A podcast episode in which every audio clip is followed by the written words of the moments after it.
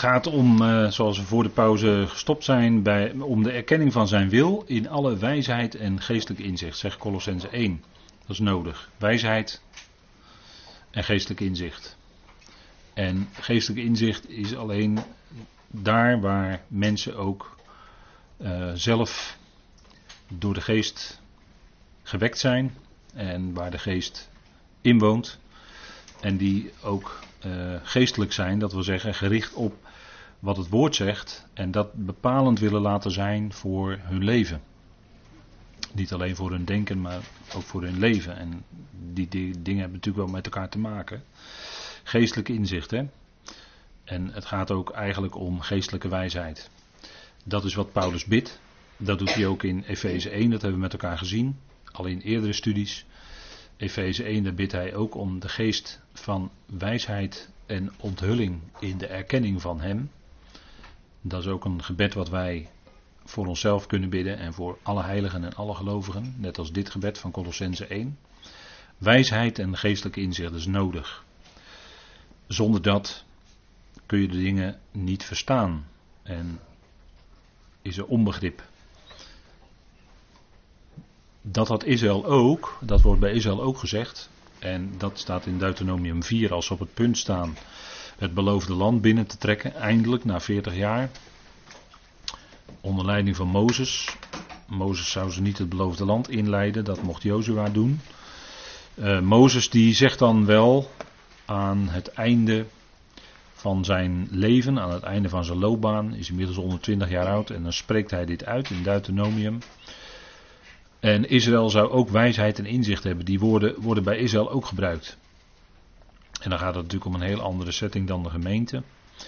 Uh, maar wel kun je daar bepaalde dingen voor jezelf uithalen. Het is tot lering geschreven. En laten we het eerst maar eens met elkaar lezen. Deuteronomium 4 is dat. En daar, ook in Deuteronomium worden de tweede keer worden de tien woorden ook uh, vermeld. Dat is uh, dan iets verderop in Deuteronomium 5. En als je dat goed met elkaar vergelijkt, Exodus 20 en Deuteronomium 5, dan zul je ook wel wat verschilletjes opmerken. Het is als het ware een vernieuwing, zou je kunnen zeggen, van het, uh, hè, van het verbond wat God met hen gesloten had op de Sinai. En na lange tijd omzwervingen daar in de woestijn, komen ze dan toch bij het beloofde land. En dan zegt Mozes in uh, Deuteronomium 4, nu dan Israël, en ik lees met u vers 1 tot en met vers 8. Nu dan Israël, luister naar de verordeningen en de bepalingen die ik u leer te doen, opdat u leeft en u het land dat de Heere jullie God van jullie vaderen jullie geeft, binnengaat en in bezit neemt. U mag aan het woord dat ik u gebied niets toevoegen en er ook niets van afdoen, opdat u de geboden van Yahweh, jullie God, die ik jullie gebied, in acht neemt. Jullie ogen hebben gezien wat de Heer gedaan heeft vanwege Baal Peor. Dat de Heere, jullie God, iedereen die achter ba Baal Peor aanging, uit uw midden weggevaagd heeft. U daarentegen, die zich aan de Heer uw God vastgehouden hebt, bent helemaal, allemaal in leven. Zie, ik heb u de verordeningen en bepalingen geleerd, zoals de Heer, mijn God, jullie geboden heeft, mij geboden heeft, om zo te handelen in het midden van het land, waarin u zult komen om het in bezit te nemen. Neem ze in acht en doe ze, want dat zal uw wijsheid en uw inzicht zijn voor de ogen van de volkeren, die al deze verordeningen zullen horen en zullen zeggen: werkelijk, dit grote volk is wijs en verstandig. Want welk groot volk is er waar de goden zo dichtbij zijn als de Heer onze God? Altijd als wij tot Hem roepen. En welk groot volk is er dat zulke rechtvaardige verordeningen en bepalingen heeft als heel deze wet, die ik u heden voorhoud. Even tot zover. Mozes zegt heel wat. En een aantal punten daaruit, die zijn heel belangrijk. We zien onder andere dat het gaat om die woorden te horen. Vers 1. De bepalingen die ik u leer te gehoorzamen staat er eigenlijk. De vertaling zegt doen, maar het staat eigenlijk gehoorzamen. Opdat jullie leven en je dat land binnengaat en in bezit neemt. Dus het gaat erom dat ze, dat, zouden, dat ze zich zouden houden aan het woord wat God hen gegeven had. Dat is natuurlijk een punt, hè? Dat, uh, dat, dat geldt natuurlijk. Uh, Israël had eigenlijk alleen dat woord. Ze hadden wel de manifestatie van de Heer in de wolkolom en de vuurkolom. Maar dat verdween op het moment dat ze in het beloofde land waren. En dan hadden ze alleen dat woord wat God hen gaf. Ze zagen hem niet. Mozes kreeg alleen de kans om iets van de nagloed van Yahweh te zien. Maar wat hij heeft precies, precies heeft gezien is ook niet duidelijk. Want de Heer zegt tegen hem: Niemand kan mij zien en leven. En dat, dat volk zou, dus, zou zich dus vasthouden aan dat woord wat ze hadden. En dat, uh, dat begrijpen mensen wel eens niet als. Uh, dat verbind ik nu even met Johannes 1, vers 1. In het begin was het woord. En het woord was, en dan staat er eigenlijk: het woord was naar God toe er staat in het Grieks het woord pros. Dat is beweging naartoe. Het woord was naar God toe. En God was het woord. Alle vertalingen zeggen het woord was God, maar er staat eigenlijk God was het woord. En dat is wat we hier zien. God kwam in de, daar knoopt Johannes bij aan, in Johannes 1 vers 1. God kwam in de gestalte van het woord, om het zo maar te zeggen, naar het volk toe. Ze zagen hem niet, maar ze hoorden wel zijn stem. Ze kregen dat woord door via Mozes. En daar knoopt Johannes aan, bij aan in Johannes 1 vers 1. En dan zegt hij, dat woord richtte dat volk op Yahweh. Het woord was daardoor naar God toe gericht. En zo was voor die Israëlieten God het woord. God kwam in dat woord naar hen toe. Vandaar, God was het woord dat is eigenlijk een bepaalde manier van spreken. En uh, dat, dat zien we hier. Dat uh, Israël had alleen dat woord van Yahweh. En daar zouden ze zich aan vasthouden. En dat zouden ze ook, daar zouden ze ook gehoor aan geven. ze zouden, dat, het Griekse woord zegt dat ze zich. He, hup dat is, dat is dat je onder dat gehoorde stelt. En dat zouden zij ook doen. En het tweede punt is wat in de, deze acht versen klinkt, ze zouden nauw aan Yahweh vastkleven. Uh, dat is in tegenstelling tot degene die Baal Peor hadden gevolgd, vers 3 en 4. De afgoderij, hè? Vers 4 zegt, jullie daarentegen, die zich aan de Heer jullie God vastgehouden hebben, bent allemaal nog in leven. Zij waren niet omgekomen in de woestijn. Want zij hadden zich vastgehouden aan God en wat God zei. Ze waren niet meegegaan bij de afgoderij van Baal Peor. Punt hè. Aan God vasthouden. Je niet laten afleiden door. En ook in ons leven kunnen er heel veel dingen zijn, en dan praat ik over zielse dingen, die je kunnen afleiden van Hem. En er zijn een heleboel dingen ehm, waar op zich niks mis mee is, alleen op het moment dat je daardoor te veel laat afleiden, laat je daardoor te veel afleiden. En dat zijn uh, zielse dingen. En daar is, de, daar is de wereld doelbewust vol mee. in, in beeld, in geluid, in, uh, noem alles maar op. Alle, allerlei dingen om van te genieten. En je mag best genieten, er is helemaal niks mis mee. Maar laat je leven niet daardoor bepalen. en dat is uh, wat, wat bij Israël wel gebeurde. Ze liepen de andere een andere god op dat moment, Baal Peor. En ze worden ook gewaarschuwd voor de omringende volkeren, de goden. Ze hadden al gehad de dans om het gouden kalf. Dat was een stiergod die ze in Egypte hadden gezien. En later in de woestijn murmureerden ze. Ze verlangden terug naar de vleespotten van Egypte. De afgoderij bij Baal Peor. En toen kwam die hele generatie kwam om in de woestijn die daar dan had meegedaan. En daarom zegt Mozes dit. Houd je vast aan de Heer jullie God. En hij zegt ook een punt wat heel belangrijk is. Dat staat in vers 2. Jullie mogen aan het woord dat ik jullie geboed, gebied niets toevoegen en niets van afdoen. Heel belangrijk punt hè. Want de Heer Jezus later als hij te midden van zijn volk komt, zegt hij tegen de fariseeën dat zij hadden toegevoegd aan Gods woord. En daardoor namen, daardoor was dat woord van God krachteloos gemaakt. Leest u het maar eens na in Marcus 7 en in Matthäus 15. Dan gaat het over dat de Heer zegt, jullie hebben geleerd om je handen te wassen voor het eten enzovoort. Maar dat was allemaal een onderdeeltje van al die gebordjes en verbordjes die de fariseeën erbij hadden gemaakt. Ze hadden toegevoegd aan Gods woord. En dat was wat de Heer hen mee aansprak. Want de Heer wist, de Heer Jezus wist natuurlijk heel goed wat hier in Deuteronomium stond. Ze zouden er niets aan toevoegen, maar er ook niets van afdoen van het woord. En ik denk dat dat zeker ook voor ons tot lering is geschreven.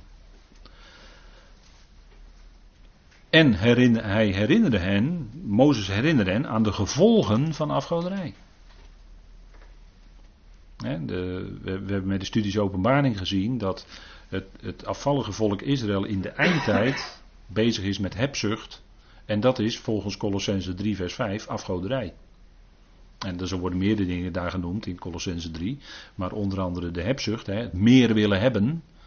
Steeds maar meer, meer, meer. De hebzucht, dat is eigenlijk afgoderij. Want al die dingen die jij dan meer wil hebben, dat leidt je af van. Dus dat is duidelijk, hè. En dat is afgoderij. Eigenlijk kun je zeggen, al wat in ons leven belangrijker wordt dan God zelf of de Heer, dat is afgoderij. De Heer zou de centrale plaats in ons leven innemen. En daar wijst Mozes het volk Israël ook op, hier in Deuteronomium. Hè. De Heer zou in hun midden centraal zijn. Ze zouden naar zijn woord luisteren en dat navolgen. En eh, daar niets van afdoen en ook niets aan toevoegen. Nou, ik denk dat dat allemaal notities zijn die ons tot lering geschreven zijn. Jaweh is nabij, hè? dat is ook het geweldige, hè? want uh, hij zegt ook in vers 7, want welk groot volk is er waar de Elohim zo dichtbij zijn als de Heer, onze Elohim, in alles wat wij tot hem roepen. De Heer is nabij, dat zegt Mozes ook tegen zijn volk. Jaweh is nabij, hij is de ik ben. Dat had, hij dat had hij laten zien tijdens die hele woestijnreis. Hun sandalen waren niet versleten. 40 jaar lang erop gelopen, niet versleten. Manna hadden ze gegeten. Het brood wat, wat God gaf uit de hemel, daar hadden ze van geleefd. Hij had hun in leven gehouden in die woestijn. Nota bene. En hij had daarbij zijn nabijheid betoond aan het volk. Grote zegen. En daarom zouden ze aan die Heer, die Jahweh, zouden ze vasthouden. En eh, dat is natuurlijk eh, voor ons is dat allemaal tot, tot voorbeeld opgeschreven, maar zeker zouden we daarnaar luisteren en, en voor ons gelden dezelfde principes. De Heer centraal in ons leven, we willen niets toevoegen aan het woord, we willen er niets van afdoen, maar exact volgen wat er geschreven staat. En daar ook ons onderstellen, onder dat gehoorde, wat we, wat we mogen weten inmiddels. Dat zijn de punten, nauw aan Yahweh vastkleven je hechten aan God. vast, je vasthouden aan God. En hij houdt jou vast. Natuurlijk. Hij houdt je altijd vast. Hoe dan ook. Je, bent, je kan nooit uit zijn hand vallen. Maar je, je bewust in je dagelijks leven aan hem vasthouden. Aan hem vastkleven als het ware. Dat, is, uh, dat zijn denk ik belangrijke notities. Hè? En zo klinkt dan bij Israël ook wijsheid en inzicht. Want als je langs deze lijnen gaat, zegt Mozes, dan ben je een volk met wijsheid en inzicht. Dan, dat getuigt van wijsheid. Dat je, als je Gods woord volgt, navolgt, opvolgt, dat is wijsheid. En dan ga je ook meer en meer inzicht krijgen in hoe dat werkt met God en hoe die het uitwerkt in je leven. Dan ga je de dingen zien zoals ze werkelijk zijn. Wijsheid en geestelijk inzicht. Paulus zegt dat ook in Colossense 1 met alle wijsheid en geestelijk inzicht. En, en die wijsheid van God, die heeft hij in het bijzonder in de brieven bekendgemaakt. Die enorme wijsheid, die zelfs, er zijn aspecten die zelfs van voor de eonen in God waren en die pas bij Paulus bekend worden gemaakt. Of door Paulus bekend worden gemaakt. Dat is de wijsheid van God, hoe hij de dingen doet. En dat hij het zo doet, dan ga je steeds meer ontdekken, ja vader, het is wijs wat u doet. Het is wijs ook om dat te volgen. En daarom bidt Paulus daar ook voor. dat, gebed is uh, ontzettend belangrijk. dat we voor die dingen bidden. En, en dat is uh, meer dan uh, ja, je dagelijkse dingen ja, dat zal voor je persoonlijk misschien heel belangrijk zijn, maar wat daar bovenuit gaat is de dingen hier waar wij voor bidden, dat we dat, dat we dat gaan verstaan. Dat we daar wijsheid en inzicht in krijgen hoe dat werkt. En dan heeft het ook uitwerking in ons leven. En dan krijg je ook wijsheid in je dagelijks leven hoe, hoe te handelen, hoe om te gaan met. Dat geeft, daarin geeft God je dan de weg, hij geeft God je dan de wijsheid. En, en vaak is het uh, wijs om ook uh, niet, niet over, bijvoorbeeld om niet overhaast te handelen, maar af te, even af te wachten. Even aan te kijken, nog eens een keer over nadenken, nog eens een keer overwegen, nog eens een keer met vader erover spreken. Is het nou wijs om die weg te gaan? Is het wijs om dat te doen? En, en vaak zie je dan toch, als je even geduld hebt, dat God al zaak dingen uitwerkt. En dat het dan net weer anders gaat dan je gedacht had of dan je wilde. En dat is dan toch zijn wijsheid.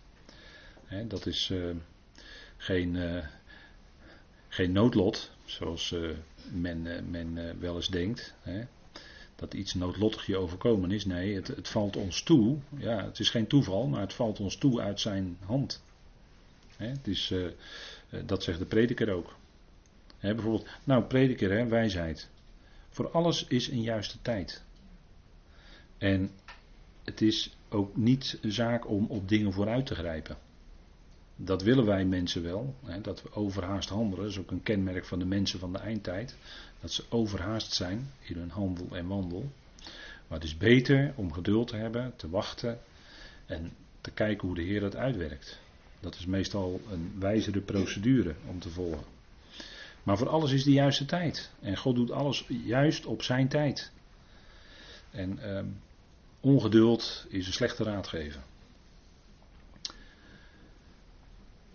Mozes moest ook geduld leren.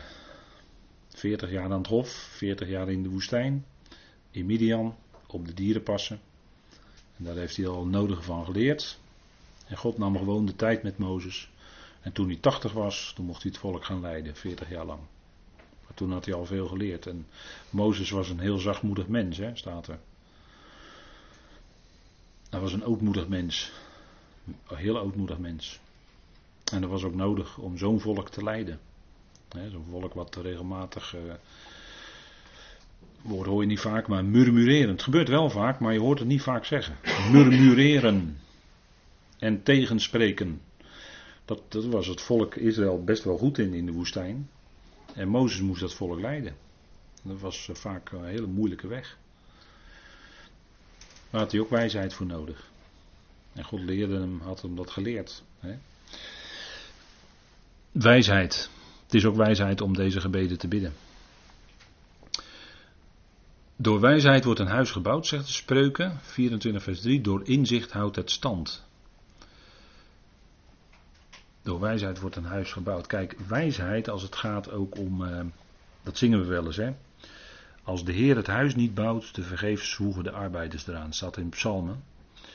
Maar ik denk wel eens, in de gemeenteverband is dat ook wel een goede om dat eens te bedenken. Het is de Heer die de gemeente bouwt. Hè? Dat is ook het werk wat hij nu doet. Het werk wat hij nu doet, is de opbouw, de reiniging en de heiliging van de gemeente. En de roeping van de gemeente. Dat is het werk wat de Heer nu doet. Hij zit niet stil. Nee, hij is actief bezig. En hij voedt en koestert de gemeente. We ontvangen de voedsel door het hoofd. Net zoals bij een menselijk lichaam. Alles gaat door het hoofd en vindt dan zijn weg in het lichaam. En als het niet normaal is, heb je een infuus in het ziekenhuis. Maar dat is niet normaal. Maar normaal gesproken komt door het hoofd het voedsel naar binnen. En dat is ook bij de gemeente zo. Wij ontvangen het voedsel vanuit het hoofd. En hij zet daar ook bij gelegenheid diverse mensen voor in. Hè? God gebruikt mensen.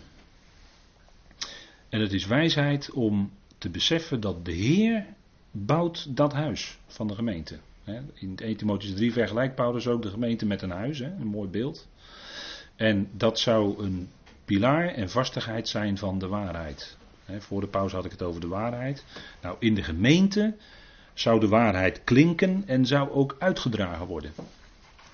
Dat is eigenlijk de functie onder andere van de gemeente, het lichaam van Christus. En eh, daarin, maar in de tweede Timotheusbrief moet ik wel toevoegen, eh, zegt Paulus, dat het een groot huis is geworden. Met allerlei instrumenten eh, goud en zilver, maar ook tot oneer, dus hout en, en andere, anderszins. En dan is het wel zaak om voorzichtig te zijn. Maar besef, de Heer bouwt het huis en hij gebruikt daar mensen voor. Hij bouwt dat op. En voor ons is het zaak om ons af te vragen, hè, wat is nou wijsheid? Nou, vraag je nou af dat wat jij doet, of dat wat jij wil gaan zeggen, of dat wat jij. Is dat nou tot opbouw van de gemeente? Want wat tot opbouw van de gemeente is, dat is nuttig. Paulus zegt: alle dingen zijn mij geoorloofd, maar niet alles bouwt op. En dat begint bij jezelf. dan kun je eerst persoonlijk afvragen: is nou dit wat ik wil gaan doen, is dat nou nuttig? Is dat nou tot opbouw? Of niet? En is tegelijkertijd tot opbouw van de gemeente. dat, is, dat is heel belangrijk. Dat, en ook de woorden die wij spreken, zijn die nou tot opbouw? Hè?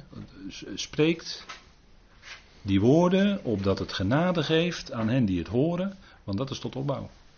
En daar worden mensen door gebouwd. Bemoedigen. Ik heb de vorige keer iets gezegd over kaartjes sturen. Hè? Elkaar kaartjes sturen met iets erop zetten bemoedigende woorden tot opbouw. Ik denk dat het fijn is. Mensen waarderen dat. En de wijsheid, hè, wat is nou wijsheid? Een, een, misschien een vorm van definitie, maar het is veel breder nog, denk ik. Ik denk dat je er nog meer over kan zeggen. Maar wijsheid is de dingen met elkaar kunnen verbinden, om ze ook te kunnen toepassen. Wijsheid in het dagelijks leven is, wat weet je? En hoe kan ik dat nou concreet toepassen in mijn dagelijks leven? Nou, daar biedt Gods woord handvatten voor.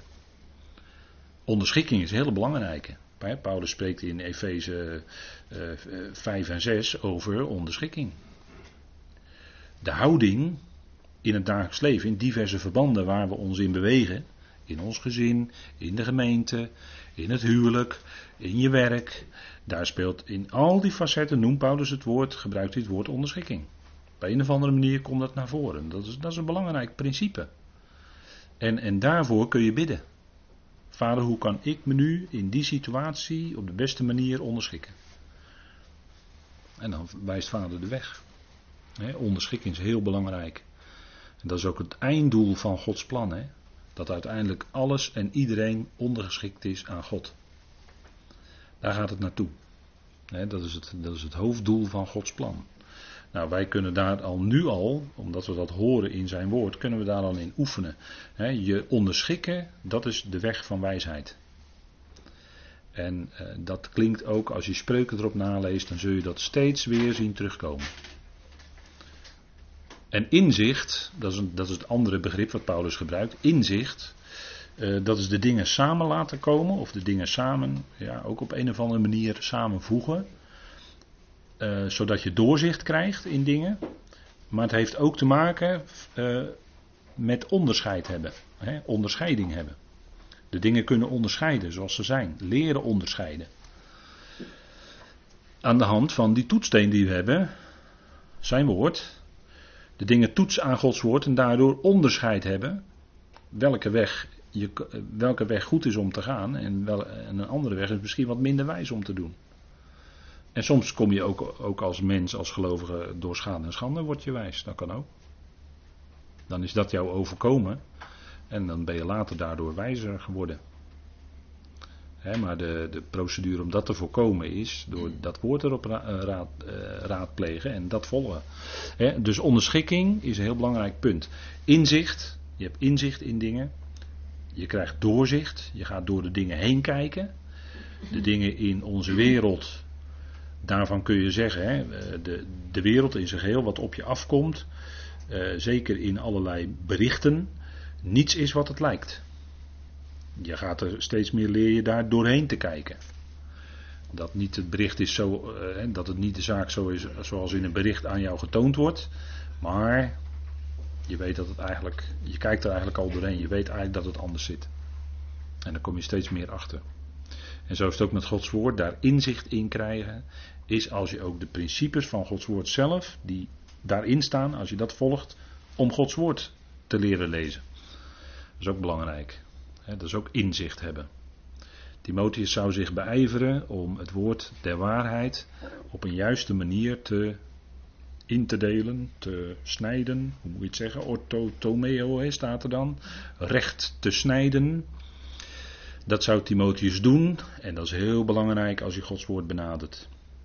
dat je dat woord recht leert snijden, dat je gaat onderscheiden wat heeft nu voor, wat heeft met Israël te maken, dat is eigenlijk het overgrote deel van Gods woord, en wat heeft met de gemeente te maken, die van Paulus. Dat is al een hele belangrijke sleutel. Als je die vasthoudt, dan heb je een hele belangrijke om de schrift te gaan verstaan. En daarbij blijven. En dan krijg je ook onderscheid. En dat is inzicht hebben. Dan krijg je inzicht in die woorden van God. En daardoor krijg je ook inzicht in hoe te leven vandaag. God geeft wijsheid en inzicht om te wandelen tot zijn eer. Want daar is, daar is het allemaal voor bedoeld. Hè? Daar zijn we nog niet, maar we hebben het nu over en geestelijk inzicht. En het begint vers 10 met, zodat jullie de Heer waardig wandelen. Dus die wijsheid en die inzicht is niet op zichzelf, de erkenning van zijn wil staat niet op zichzelf, maar dat is zodat jullie de Heer waardig wandelen. dat het in balans is, dat jouw leven in balans is met dat wat je weet. En de Heer geeft zijn woord en we zouden ook dan waardig wandelen. Dat is steeds wat, wat terugklinkt in die brieven van Paulus. En bijvoorbeeld in Efeze 4, vers 1, laten we het even met elkaar lezen. Daar staat: Ik spreek jullie dan aan, en dat is gebaseerd op het onderwijs van de eerste drie hoofdstukken. Wat geweldig, fantastisch onderwijs is. Dat nooit, nog nooit was dat geschreven. Er was nog nooit bekend wat in de eerste drie hoofdstukken staat. Maar dat is onvoorstelbaar. En dan zegt hij: Ik spreek jullie dan aan, ik de gebondenen in de Heer, waardig te wandelen. Vanwege de roeping waarmee jullie werden geroepen. Die roeping klinkt in die eerste drie hoofdstukken. Een hoge roeping te midden van de hemelsen. Alsjeblieft. Hoger kan niet. En wij zouden dan waardig wandelen. En hoe ziet dat eruit? Met alle ootmoedige gezindheid. Let op, hè, het eerste wat hij zegt. Bij een waardige wandel is het eerste punt ootmoedige gezindheid. En dat is laag, dat is onderschikkend. Tapijnon betekent letterlijk laag. En dat is dus onderschikkend. He, uh, ootmoedige gezindheid en zachtmoedigheid. En met geduld elkaar verdragend in liefde. Dat zijn de belangrijkste facetten en de rest is een uitwerking daarvan. En daar gaat het om. Dat, zo ziet die waardige wandel eruit. Hè? En het is nodig als gelovigen onder elkaar. Want ook gelovigen onder elkaar, dat lijken net mensen. Met al hun hebbelijkheden en onhebbelijkheden. Gelovigen kunnen ook wel eens onbehouden tegen elkaar tekeer gaan. Kan hè, kan zomaar gebeuren. En, maar dan ja, wat, wat ons betreft, wij leren van de Heer die ootmoedige gezindheid. Hè? En uh, Saulus werd Paulus. En Paulus groeide daarin. Want het was, uh, als Saulus was het een uh, tegenovergestelde van ootmoedige gezindheid. Die ging als een dolle man tekeer. Maar wat een enorme verandering onderging hij. En dat is natuurlijk door de geweldige geest van God die in ons woont. De geest van het zoonschap. Met die hoge roeping ons leven ziet er anders uit. We zijn eigenlijk nu al, ja, burgers niet van deze aarde, ja, van Nederland, maar eigenlijk van een rijk in de hemelen. Ons domein is in de hemelen, zegt Paulus. Ja, en we zouden daarna, naar dat besef, zouden we ook leven hier op aarde. En dan kun je natuurlijk heel diep gaan ingraven. En met heel erg met de dingen van deze aarde bezig zijn. Maar ik denk toch niet dat dat helemaal de procedure is voor ons als we kijken in Filippenzen 1, vers 27, dan zegt Paulus dat ook. Alleen wees burgers waardig het evangelie van Christus. Wees burgers waardig aan het evangelie. Dat domein is in de hemelen, daar zijn wij burgers van. En niet langer dus hier op aarde, daar liggen onze belangen niet. En natuurlijk heb je al, allerlei verplichtingen, daar moet je aan voldoen. Maar daarbuiten kan je nog allerlei dingen zoeken en kan je helemaal ingraven. Kan je helemaal bezig zijn alsof je helemaal geen hemelse toekomst hebt. Enzovoort. U begrijpt wel wat ik bedoel, denk ik. En dat is een waardige wandelen. Hè. Waardig is in overeenstemming. Op een gegeven moment je leven in overeenstemming met datgene wat je weet. En we weten ongelooflijk veel. En, en die wandel, dat is iets wat dan daaruit volgt. Hè, wat daaruit voortvloeit. Dat betekent bezig zijn met die dingen van het evangelie.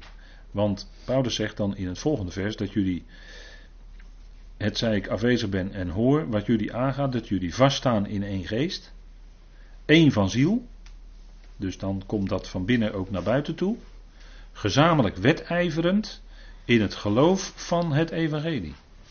En in niets verbijsterd worden door de tegenstrevers. De tegenstrevers zijn er altijd. Waarheid roept altijd tegenstand op. Onherroepelijk. Waar het komt, maar er komt tegenstand. Dat is het vlees.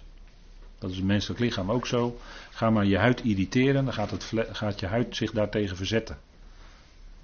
Dan gaat er op een gegeven moment, als je maar lang genoeg over je huid wrijft, gaat er vanzelf een eeltplek komen. Want je huid gaat zich verzetten tegen dat jij daarin gaat zitten kerven of wat dan ook. Zo is het ook met de waarheid. Als jij de waarheid brengt, komt er verzet. Komt er bij sommigen verharding en bij sommigen komt geloof. die gaan erin mee. En dat, is, dat was in Paulus dagen natuurlijk volop aan de hand. Maar dat is wel zoals, we, zoals eh, dat, dat leven van die burgers eruit ziet, burgers van de Rijk in de Hemelen. In één geest, één van ziel, gezamenlijk wedijverend in het geloof van het Evangelie. Daar, zou het, hè, daar zouden we bezig zijn als gelovigen. Daar alles op, op zetten om, om dat uit te brengen. En die Thessalonicenzen ook, hè.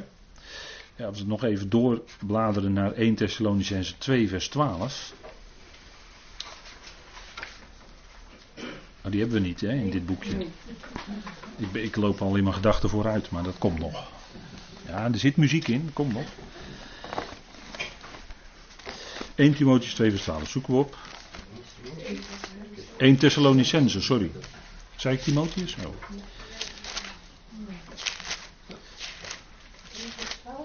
1 Thessalonicense 2 vers 12.